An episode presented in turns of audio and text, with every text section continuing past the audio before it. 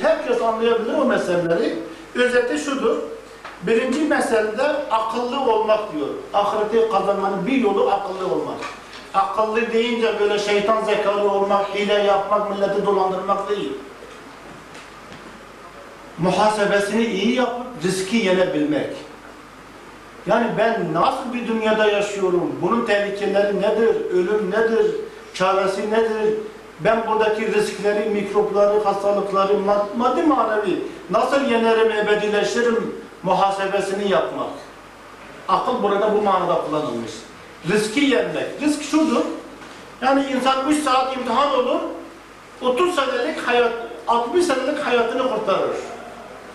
3 saat nasıl 60 seneyi kurtarır? Çünkü 3 saat içinde risk kavramı var. Risk bir şeyi sonsuzlaştırıyor. Risk bir şeyi sonsuzlaştırıyor. Dünya hayatımız kısa bir dönemdir. Fakat eğer riski yenebilirsek, akıllı davranabilirsek ebedi bir hayatı hak ederiz. Zaten akıl Arapçada riski yenme becerisi demektir. Ve Kur'an'da da düşünme ve tefekkür manasından ziyade daha çok bu manada kullanılmış. Riskleri yenebilme. Hep bu manada kullanılmış. Dünya hayatı risk ortamıdır, imtihan ortamıdır. Belki aklınızı kullanırsınız mealinde 20'ye yakın ayet var Kur'an'da. Belki aklınızı kullanırsınız. Hep son cümle belki aklınızı kullanırsınız. Şimdi Mülk suresinde de eğer aklımızı kullansaydık biz Ahireti kazanırdık diyor.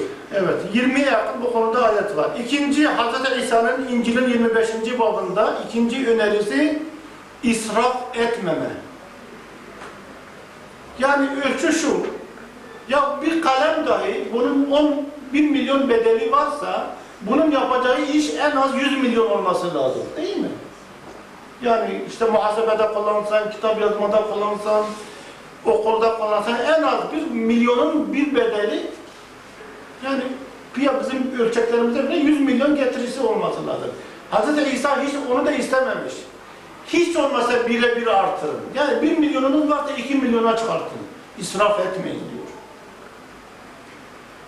Gerçi kimisi diyor beşi beş yapıyor, kimisi biri iki yapıyor. Kafirler ise o kalemi de götürüp toprak altında çürütüyorlar, hiç verimli hale getirmiyorlar.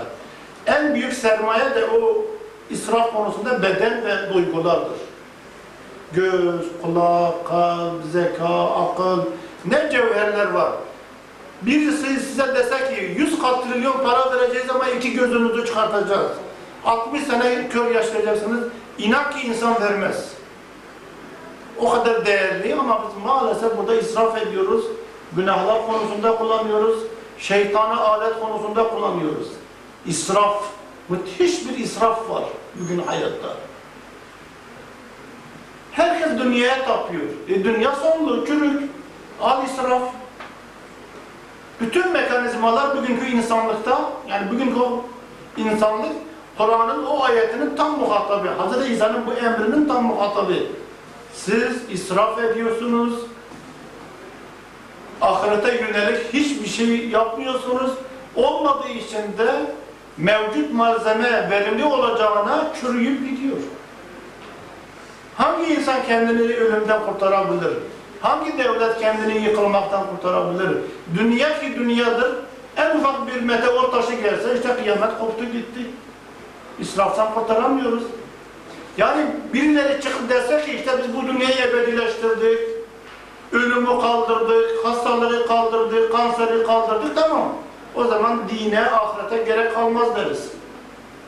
İşte o sayılı kabir kapısı kapanmadıkça siz bu Kur'an'a muhtaçsınız diyor. Ona karşı gelen, gelmemelisiniz. Başka çare yok. Yani iki kere iki dört eder gibi bir şeydir. Bu kadar trilyonlarca dolar, bu kadar çalışmalar, bu kadar emekler, bu kadar ilaçlar hep dünya için. Hep dünya için israf işte.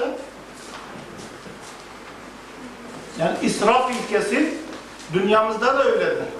Mesela adam var, ben tanıyorum, 3 milyar maaş alıyor arkadaşlarımdan. Yetmiyor parası ona. Mecburen günaha geliyor, harama giriyor. Bak israf ahirete engel oldu gene. Bir sürü zeka verilmiş. Yani kendini çal- yetiştirse dahi olacak. Enişteden daha bereketli bir zeka sahibi. Gidiyor kumar, kumarda zekasını kullanıyor. Bak israf. Ruhanileşecek kadar Allah libidal bir enerji vermiş ona. Gidiyor işte zinada harcıyor. İsraf işte. Halbuki o enerjisini kullansa dahi olacak. Büyük büyük meseleler çözecek. Büyük büyük ruhani meseleler elde edecek. İsraf. Göz vermiş ki güzellikleri görsün, gidiyor haramda kullanıyor. Namussuzlukta kullanıyor. Kulak vermiş ki Allah'ın bin bir nimet ses fonetiklerini dinlesin. Gidiyor isyan müziğinde kullanıyor. Yani isyan ediyor böyle. Hani Avrupa müziklerinin bir kısmı rahmat, çoğu isyan havası.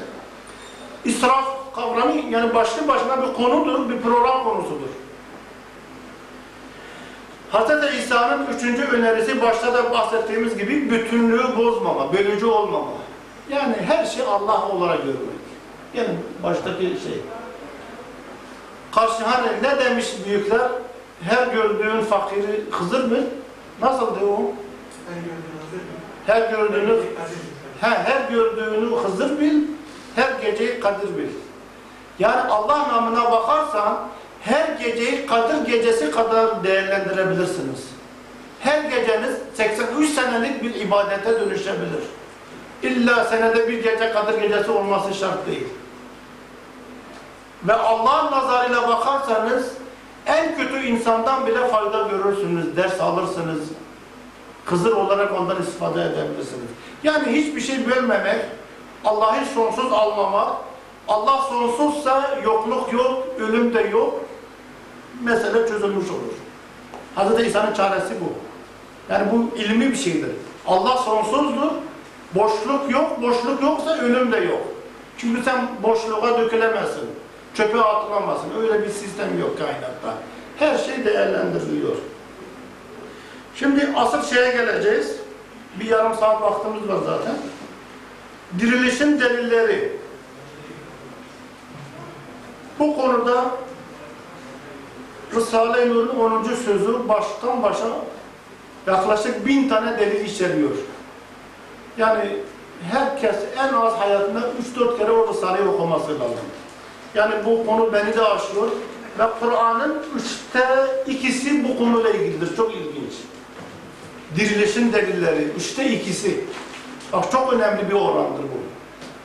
Kur'an'ın üçte ikisi hep dirilişle ilgilidir. İnsanın en önemli meselesidir bu.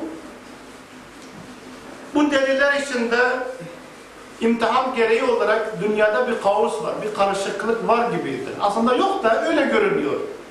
E, hepten düzen olsa, hiç kaos olmazsa o zaman herkes inanırdı. Kafirle müminin farkı kalmazdı. Allah imtihan devam etsin diye işte bir miktar kaos bırakmış. Korkulara, endişelere, sabra, imana, imansızlığa ortam hazırlıyor Allah kaosu yaratmakla. Ama gerçekte kaos yok.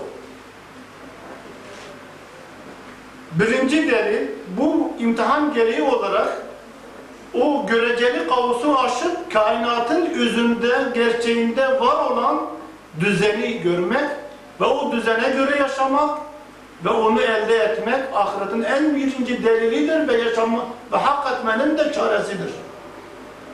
Kainatta düzenin varlığını görmek, o düzene ayak uydurmak ve ona inanmak ve ona göre yaşamak. Din işte budur yani. Bunun başka bir tabirle din. O düzenin ismi dindir.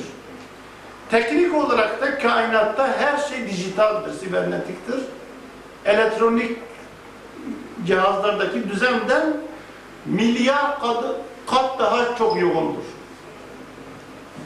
Yani şöyle, geçen Zafer Dergisi'nde bir makale vardı. Dünyanın en gelişmiş bilgisayarında bir molekülün oluşumunu bilgisayarda yapmaya deniyorlar. Yani sanal olarak. Üç senede yapamamışlar. Bilmem kaç, 300 sene lazımmış. Yani vücudumuzda, hayatta, bitkiler dünyasında sayısız proteinler oluşuyor her an. Yani kainattaki dijital yapı, sibernetik yapı, elektronik yapı yani biraz daha avamca konuşayım. Bizim bu piyasadaki Japonların, Amerikalıların, Almanların elektronik cihazlarından milyar trilyon kat daha düzenlidir, daha faydalıdır, daha harikadır. Yani kainatta kaos sırf imtihan için vardır. Allah bizi deniyor bakalım kaosa mı inanacak, düzene mi inanacak?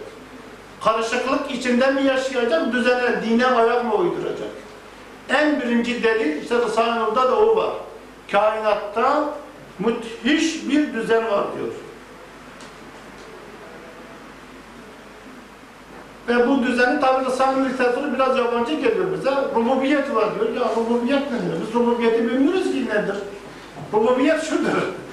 Yani Risale-i Nur'un da bazı kavramları artık bize yabancı kalmış. Maalesef biz çok geride kaldık. Rububiyet şudur. Allah öyle mükemmel bir düzen içinde eşyayı geliştiriyor ki terbiye ediyor. Rububiyet Türkçe'de terbiye. Terbiye de hani rıba kelimesinden gelir. Arttırma. Hiçbir şey geliştirmiyor, yani küçültmüyor, azaltmıyor. Hep arttırıyor, hep arttırıyor, hem düzen içinde. Bir çekirdek oluyor, bir milyon çekirdek. Öbür milyon çekirdekler çoğalırsa kaç oluyor? Milyon kere milyon. He? Trilyon oluyor. He. Bir çekirdekten iki sene içinde bir trilyon elde ediyor. Yani bu hep arttırıyor, hep geliştiriyor. Ve evrim işte budur.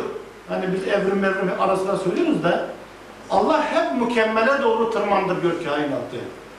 Ya her şey mükemmele doğru gidiyorsa her şey rububiyet altındaysa niye o zaman ölüm olsun, yokluk olsun, hiçlik olsun?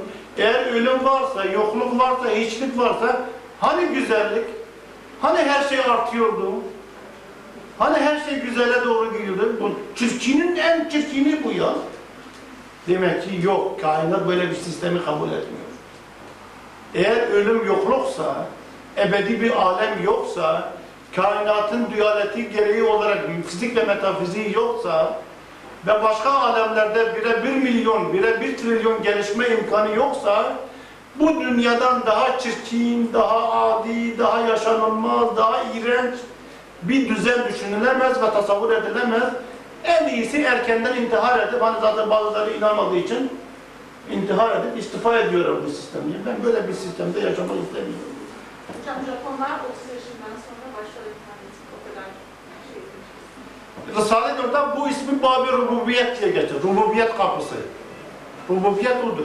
Her şey gelişiyor, her şey mükemmele doğru gidiyor, her şey evrim süreci gereği olarak kemalat diyor, mükemmellik diyor.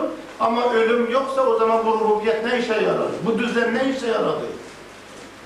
Bu düzen düzen değil, düzensizlik olmuş olur. Yani yüzde yüz, halbuki bir şeyin yüzde yüz tersine dönüşmesi muhaldir diyoruz Tanrı'da. Yani ak ak iken kara olmaz diyor. Kemalat kemalat iken, kemalat olduğu halde çirkinlik ve düzensizlik olmaz.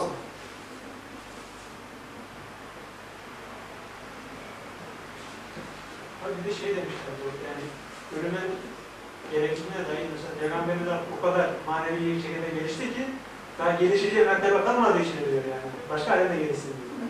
Dünyadan sonra Oraya geleceğiz. Oraya geleceğiz. İkincisi muhafaza gerçeğidir. Yani dirilişin delilleri kainat, birincisi kainattaki sonsuz düzen, ikincisi sürekli mükemmel kemalat, üçüncüsü muhafazadır. Hiçbir şey kaybolmuyor. Yani bugün ilim bunu ispat ediyor. Havada, atomlarda, moleküllerde, DNA yapılarında, çekirdeklerde, hafızalarda, bilgisayarlarda, CD'lerde, kameralarda her şey sürekli kaydediyor. Yani kainatın en temel bir özelliği de her şey her şeyi kaydediyor. Hologramik yapı var. Hologramik yapı şudur. Her parçası o kadar değerli ki ve her şeyi kaydediyor ki sanki bütün kainattır. Her hücrede senin bütün özelliklerin olduğu için sen oluyorsun. Hatta o hücreyi alıp şimdi klonlama tarzında senin benzerini bilim yapabiliyor. Muhafaza demek ki başka bir yerde yaşamak içindir, muhafaza devam ettirmek içindir. Eğer her şey yokluğa doğru gidiyorsa, kainattaki bu yapı, bu karakter, bu özellik çok anlamsız, verimsiz ve iğrenç ve israf olurdu. Yani korkmayın işte aman varlığım kayboldu, ruhum kaybolacak, hafızam gitti. Binlerce alemde sen varsın. Ama bir şartla, eğer dine göre yaşamışsan, o kaydedici nizama göre din, ayak uydurmuşsan, ona göre yaşamışsan. Bir tanesi de Risale-i Nur'daki, Kur'an'daki delillerden yararlar. Yani en küçük molekülden, en kimyevi elementlerden tut, ta vücudumuzdaki organlara kadar her varlığın bir tane, 400 bin tane, 1 milyon tane faydası var. Yani bilim bugün bunların literatürünü çıkartıyor, yazıyor. E bu kadar kema, hikmetler, yararlar, faydalar varsa ve ölümle son bitiyorsa hani fayda? Her şey faydasızlık olur, hikmetsizlik olur. Bu akla muhaldir. Yani bu deliller şeytanı susturmak için, nefsimizi susturmak içindir. Ve adalet diye bir kavram var, denge. Yani bugün eğer biz varsa, toplum hayatı varsa, devletler varsa, güneş sistemi varsa, galaksi varsa, kainat varsa hep dengelerle vardır. Dengeyi çök, çektiğimiz an her şey yok olur. E, ahiret yoksa adalet da dünden bitmiş olur, bugün de değil. Çok eskiden bitmiş olması lazım. Demek ki adalet ezeli, sonsuz bir kavramdır ki o da ancak ahiretin varlığıyla mümkündür.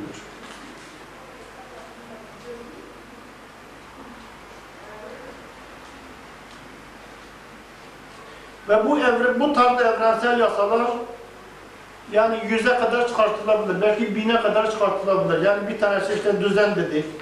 Her şeyin kaydediliş altında olması, muhafaza edilmesi, her şeyin milyonlarca, binlerce faydalı olması, adalet sistemi gibi insanlık bir kavram mesela. Yani eğer ahiret yoksa insanlık diye bir şey kalmaz. Yani inekler, sinekler, böcekler bizden çok daha üstün ırk olurlar. Hiç kimse dava etmez ya, en üstün ırk biziz. Onlar bizden çok daha fazla lezzet alıyor, mutlu yaşıyorlar, sıkıntısız yaşıyorlar.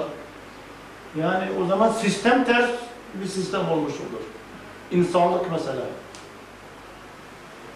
Bu kadar mucizeler, peygamberler, veliler, o zaman boşver. Ve bu konuda asıl detaylar, asıl cümleler, asıl deliller Risale-i Nur'un 10. sözünün zeyilleriyle beraber okuyun. Orada o zeyiller içinde üç tane örnek var. Onları da kısaca hatırlatalım. 25 dakika. Yok bir buçuk saatte bitireceğiz. Ha. Örnek şu. Bak her kışın yaklaşık bir milyon tür yok oluyor. Yani bize yani evet DNA'ları duruyor ama yani zahiri bir akla göre normal bir bakışa göre ne yaprak kalmış, ne ağaç kalmış, ne kök kalmış, hiçbir şey kalmamış.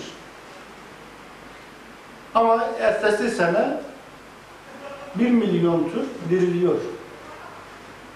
Bir mole, yani DNA molekülünden de diriliyor. Yani bahanedir o. Aslında Allah isterse yoktan da var eder de yani kafirler demesinler işte Allah varmış evet yoktan var etti. Allah her şeyi bir perdeyle yapıyor. Her şeyin bir eli, bir bahanesi var. Yani kimse demesin işte 6 milyar insan var. Bunun da tarihte işte 1 trilyon tekrarı var. Allah hepsini ahirette nasıl birden diriltecek? İşte gözümüz önünde 1 milyon türün yaklaşık belki 100 kat trilyon bireylerini bir baharda hiçbirini karıştırmadan, düzeni bozmadan yaratıyor, büyütüyor, rızkını veriyor, meyvesini ondan sü- süzüyor. Bu meyvenin süzülmesi ayrıca Kur'an'da çok işaret ediliyor ona. Yani bir çekirdekten bir ağacı çıkartmak kolay. Ama ağacın içinden bir daha çekirdeği çıkartmak daha zormuş. Ha, onu size söyleyeyim. O ayrı bir yapı istiyor yani. Ağaç bir kereste parçası ya. Gider gider yaprak olur, gider gider- yani bir yazılım var kainatta. Dedi ki her şey bir yazılımdır. Kainatın asıl varlığı ilimdir ve ilim de sonsuzdur, yazılımdır çünkü. Hiç kimse kendini bir leş olarak kabul eder mi? Yok, etmez. Ve 10 bin dolar veriyorsunuz, dünyanın en mükemmel bilgisayarını alıyorsunuz. Neyle övünüyorsunuz? O bilgisayarın içindeki programların mükemmelliğiyle övünüyorsunuz. Bilgisayarın plastik kapılarıyla değil, kablolarıyla değil, tuşlarıyla değil. Bunlar ambalajdır sadece. Asıl varlık yazılımdır kainatta ve yazılım zaten ilimdir ve ilim de sonsuzdur, ölümsüzdür. Yani eskiden e, öyle alimler varmış ki mesela bir yerden bir yere sefere çıkıyor kitapları kayboluyor. Hiç umursamıyor diyor. Önemli değil diyor. Ben diyor oturur yeniden yazarım diyor. Çünkü burada yazılı. Ama bugün böyle hiçbir alim, bir profesör çıkamaz maalesef. Kesrette biraz dağılmışız. Düzensizlik var. Gizli bir israf var. Gizli bir anarşizm var yani insanlarda. İmansızlığın getirdiği bir hastalıktır. Halbuki eskiden öyleymiş. Adam zihninden 10 cilt kitap yazabiliyormuş. Zihninden yani böyle. O, yani bu, bu tarihi bir realitedir. Onun için e, 10. sözde geçiyor. Bir e, kitabın diyor suya düşse, silinse yazıları e, muhal değil ki diyor onu yazan kişi bir daha onu yazabilsin. Daha önceki hangi hoca yazmışsa bir daha yazabilir. Belki daha mükemmel yazar. Yazılım esas, ilim esas. Ve siz de hayatınızı ilme göre yönlendirin. Yani paranız az olabilir, güzelliğiniz az olabilir, eviniz küçük olabilir, çirkin olabilir ama ilminiz eğer yüksekse, kaliteliyse dünyanızı da kurtarırsınız, ahiretinizi de kurtarırsınız. Bu garantiyi eğer yapamadıysanız gelin bana söyleyin ben yapamadım. Yüzüme tükürün. E, İlim esastır. Varlığın özü ilimdir. Kudret onun ambalajıdır. Yani kainatta Risale-i da Kur'an'da da Allah'ın bin bir sıfatı var mı? Üçü çok temel sıfatlardır. Kudret, ilim, irade. Kudret enerjidir. Her atomda, her hücrede var. Plan ve proje ve yazılım ilimdir. Bu plan ve projenin de yerinde sabit durduğu yok. Sürekli evrimleşme isteği var yani. Hep mükemmele doğru tırmanış var. Adeta sonsuz bir yarış içinde bütün kainat. Bu da irade. Yani Allah'ın iradesi kainata yansımış, hep mükemmele doğru tırmanış. Mesela insanlar yarış içinde. Serbest piyasa niye komünist piyasadan daha verimli oldu? Çünkü serbest piyasada yarış var. Yarış da en doğal yasalardan bir tanesi. Kainatın temel karakteri. Bu yarışa ayak uyduran işte o hep mükemmele doğru gider. Ama ben artık zengin oldum, ben her şeyi öğrendim, ben daha gerek yok kitap okumama, gerek yok ibadet yapmama, gerek yok kendimi geliştirmeye derseniz işte kendinize ölümü biçmiş olursunuz. Esas ölüm odur. Hatta biz burada bir program yaptık. Hiçbir nokta hedef yapmayın. Ne kadar uzak olursa olsun hedefinizde bu olursanız sonsuzluğu unutursunuz. İnsan öyle bir sonsuz varlık ki sonsuzluktan başka hiçbir şey razı olmuyor. Hep sonsuz ufuklara uçmak. Ve kainat da sonsuzdur yani. Evet kainatın hacmi sınır, sınırlı. Fakat döngü tarzında gittiği için ilkbahar, yaz, sonbahar, kış adeta sonsuzdur kainatın sistemleri. Onu bir Rus bilim adamı var, George Gamow. Elmanın içi diyor sınırlıdır. Fakat elmanın içinde öyle yollar kendine yapmış ki koç. Gider, gider, gider, gider elmanın içi bitmez. Adeta elmanın içi onun için sonsuz olmuş. İşte Allah zaten böyle bir kudrettir. Hoş geldiniz. Küçük bir alanda bile sonsuz bir bilgiyi sığdırabiliyor. 400 bin defa büyütüldüğü halde bir hücrenin içinde 1 milyon sayfalık bilgi şifre tarzında sığdırabiliyorsa Bak minnacık iğne başından daha küçük bir yerde sonsuz bir bilgi adeta sığdırabiliyor. Allah sonsuz çünkü. Yani kainat madde ambalaj itibariyle sınırlı, o belli. Ama bilim itibariyle öyle bir bilgi, öyle bir yetenek, öyle bir özellik taşıyor ki adeta sonsuzluğun ifadesi, sonsuzluğun işaretleri, sonsuzluğun delilleridir. Eskiden elektrik yoktu biliyorsunuz. Elektrik yaklaşık 100 kaç sene, 120 sene önce bulundu değil mi? Aşağı yukarı 120 sene önce. İnsanlar yağla, mumla aydınlanıyordu. Birisi çıkıp deseydi ki işte bir asır gelecek, şöyle elektrik bulunacak, sokaklar aydınlanacak, evler böyle olacak, cihazlar böyle çalışacak, çamaşır makinesi, bulaşık makinesi, işte terzilik makineleri ve sayısız imkanlar doğdu elektrik sayesinde. Herhalde bu adam delirmiş derdik. İşte Kur'an Müminun suresinde ahiretin dirilişi olarak işte diyor çağlar çağlar geldi. Bu çağların dirilişi ahiretin bir delili diyor. Hep çağlar diyor. Bir yere geliyor, bir çağ daha geldi diyor. Bir çağ diyor yani. Orada çağlar demiyor. Karnan ahir diyor. Ve o bu asra işaret ediyor. O. Bu asrın tek bir çağdır. Fakat bütün çağlar kadar ahiretin delillerini içeriyor. Dirilişin delillerini içeriyor. Ve Ustad da elektriğin dirilişin binlerce sebeplerinden bir tanesi olarak 10. sözün zehrinde ona işaret ediyor. Allah'ın diyor bin bir sayısız hizmetkarları var. Bunlar içinde de elektrik bir tanedir. Bir saniyede elektrik dünyada 300 300 bini 40'a bölsek işte 1500. ha, 1500 kere gidip geliyor. Yani elektrik saniyenin üçte birinde galiba. Üçte birinden veya altıda birinden bir altı kere dünyayı dolaşabiliyor. Burada tuşa bastığın zaman dünyada ne kadar elektrik sistemleri, lambalar, cihazlar varsa bir anda çalışır hale gelebilir. İşte muhal gibi bir şey ama oluyor işte. Ki elektrik gibi daha negatif kuvvetler var, pozitif kuvvetler var, bilmediğimiz yapılar var. Yani muhal görmeyin dirilişi. Ve vücudumuzda her an dirilişin binlerce örneği oluyor zaten. Hücreler diriliyor, beyin yenileniyor, bilgiler sürekli yenileniyor, arttırılıyor, muhafaza ediliyor, faydalı hale getiriyor.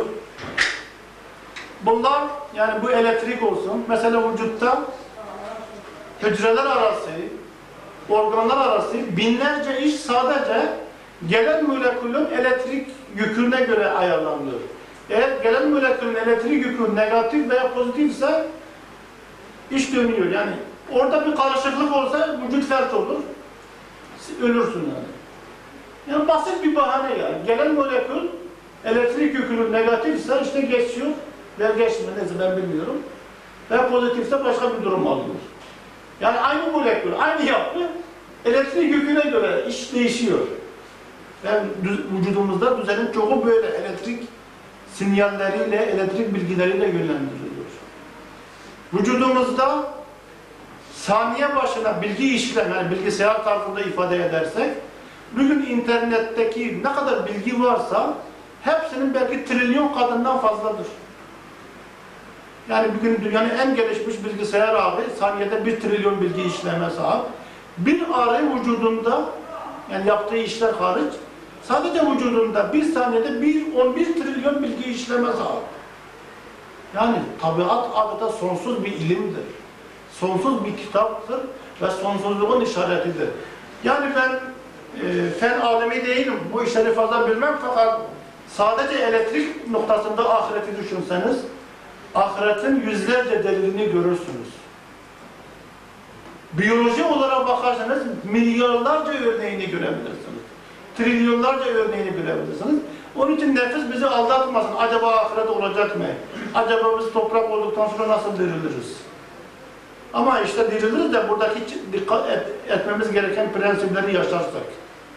Şu çekirdeği çürütmemek şartıyla ağaç olacaksın, o ağaçtan milyonlarca ağaç daha çıkacaktır Allah'ın izniyle.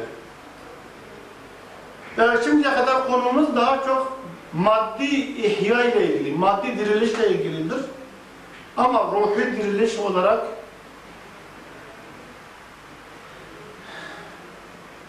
dualar, aşk-ı baka diye bir kavram var. İçimizde en temel duygu odur. Bak görmek bir duygudur. Görmesen de olur. İşitmek bir duygudur. Sağır da olsan yaşayabilirsin. Evlilik, cinsellik bir duygudur. Evlenmesen de yaşayabilirsin. Fakat içimizde öyle temel bir dua ve duygu var ki aşk-ı baka diye ifade edilir. Ebediyet isteği. Bir an kesilse insan çıldırıyormuş. Bakma kafirler bile kendini uyutuyor veya sarhoş oluyorlar. Aslında onların da içinde sürekli ebed, ebed diye bir ses geliyor. Hep sonsuzluğu düşünür. Yani hiçbir kafir ben 60 sene sonra toprak olacağım diye düşünmüyor. Ya belki bir ihtimal var ki yaşarız. Belki başka bir alemde yaşarız. Hiç olmazsa arkadaşların kalbinde yaşarım. Hiç olmazsa o işte resimlerde yaşarım. Hiç olmazsa ansiklopedilerde yaşarım. Hep burada bir aşk-ı baka var. Ve bu aşk-ı bakanın da asıl Türkçesi dualardır. Yani dua deyince bizde işte türbeye gidip İhlas Falak nasıl okumak diye anlıyoruz. Değil. Dua kainatın en temel karakteridir. Bütün atomlar istiyor ki molekül olsun. Bütün moleküller istiyor ki hücre olsun. Bütün hücreler istiyor ki işte insan olsun, beden olsun. Bütün bedenler istiyor ki ruh olsun. Ve bu sistem sonsuzluğa doğru devam etsin. Hiç kesilmesin, hiç tükenmesin, hiç bozulmasın. Ve kainatta en temel karakter bu dualardır. Onun için Kur'an'da duanız olmazsa hiçbir ehemmiyetiniz yok. Yani varlığınız zaten duadır. Eğer siz varsanız, ortada duruyorsanız demek ki istemişsiniz ki var olmuşsunuz. Hiçbir şey istemeden var olmuyor ki. Bu kalem bugün varsa bu kalem kimya diliyle var olmak istemiş ve olmuş. Bu beden, bu ruh var olmak istemiş, onun için vardır. Ya beni istemedin, Allah beni niye buraya getirdi imtihan ediyor deme hakkımız yok.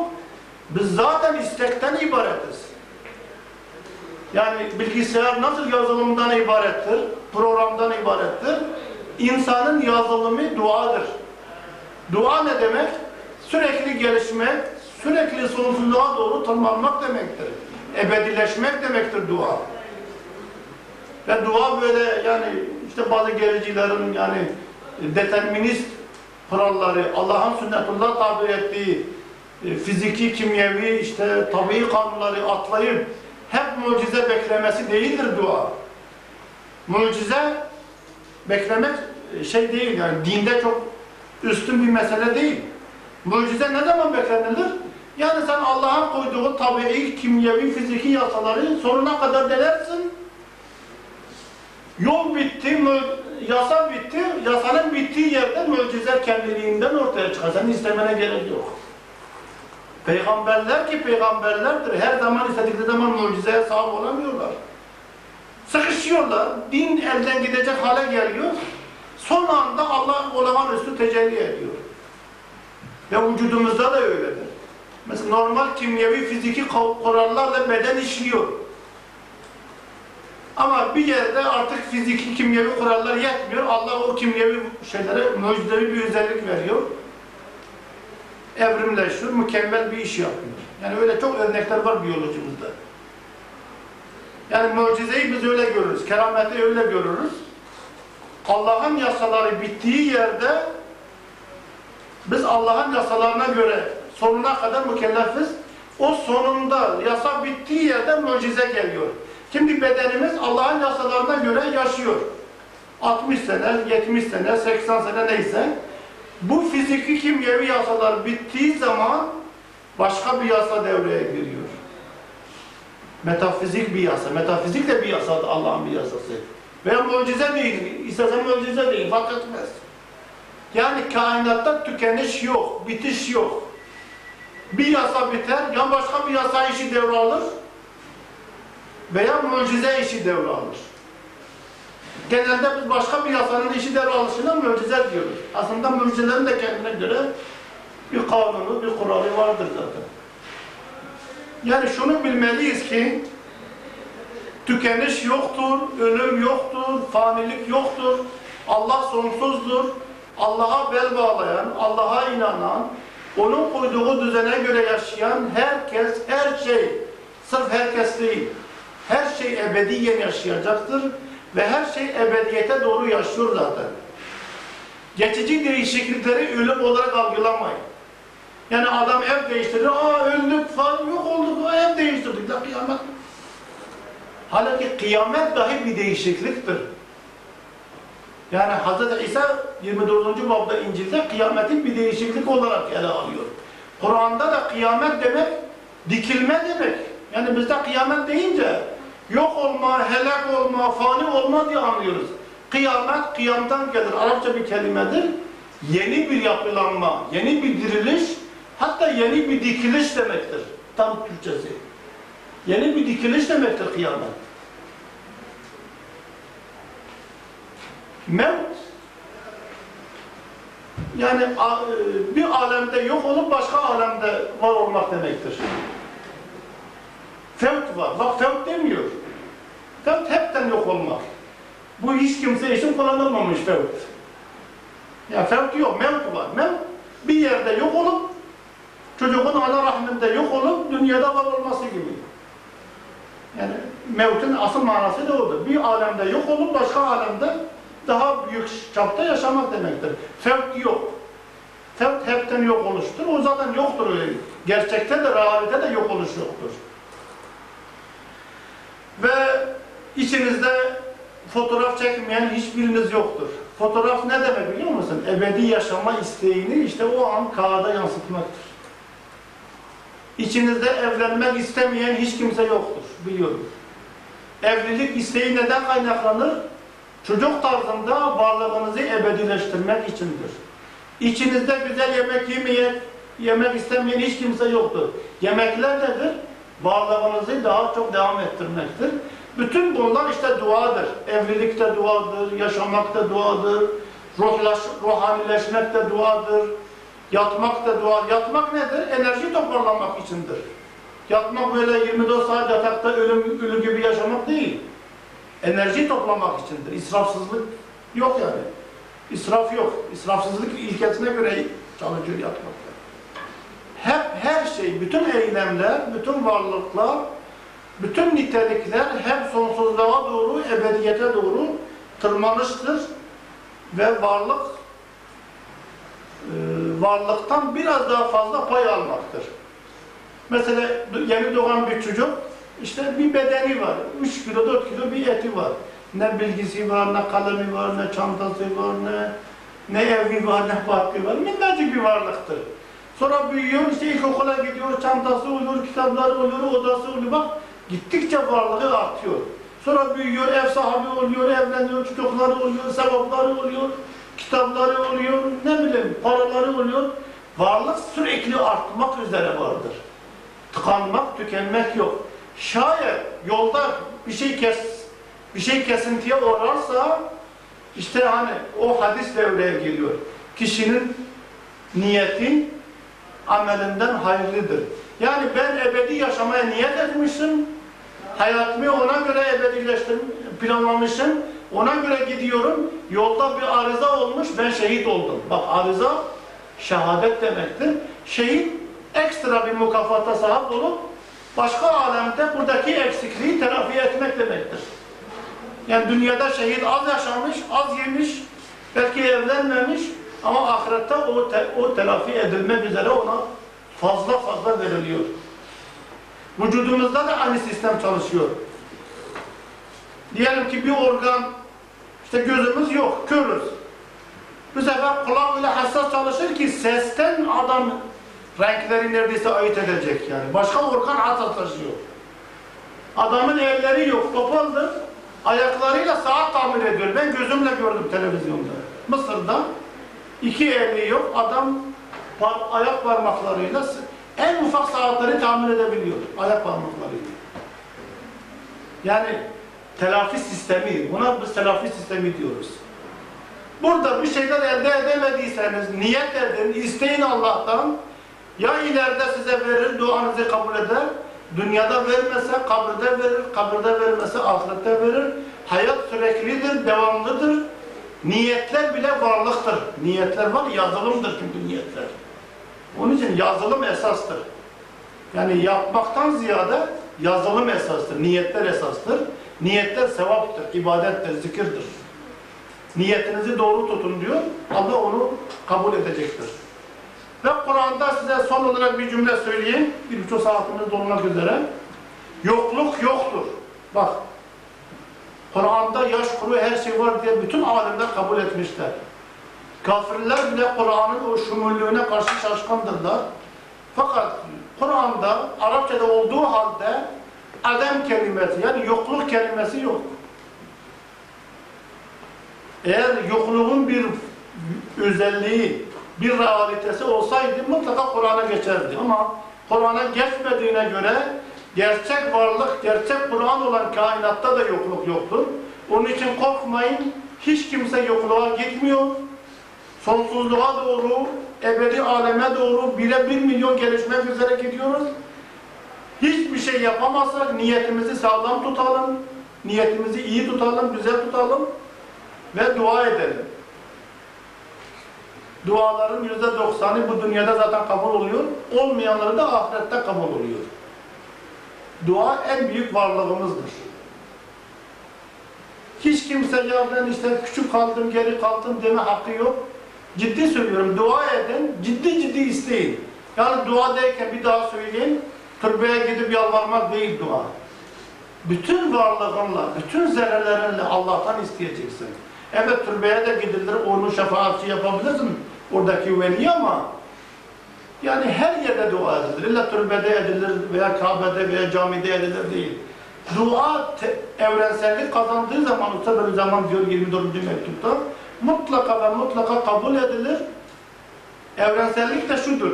Yatarken, tuvalette, yemek yerken, sağda, solda, yolda öyle bir şeye aşık olacaksınız ki hep bunu isteyeceksiniz. Ve en büyük isteğimiz bir daha hatırlatayım neydi? Aşk-ı bakaydı. Ebedi yaşama isteği. Ve buradan hiçbir zaman gafıl davranmayalım. Geçici olacakmışız, ölecekmişiz, yok olacakmışız, yok.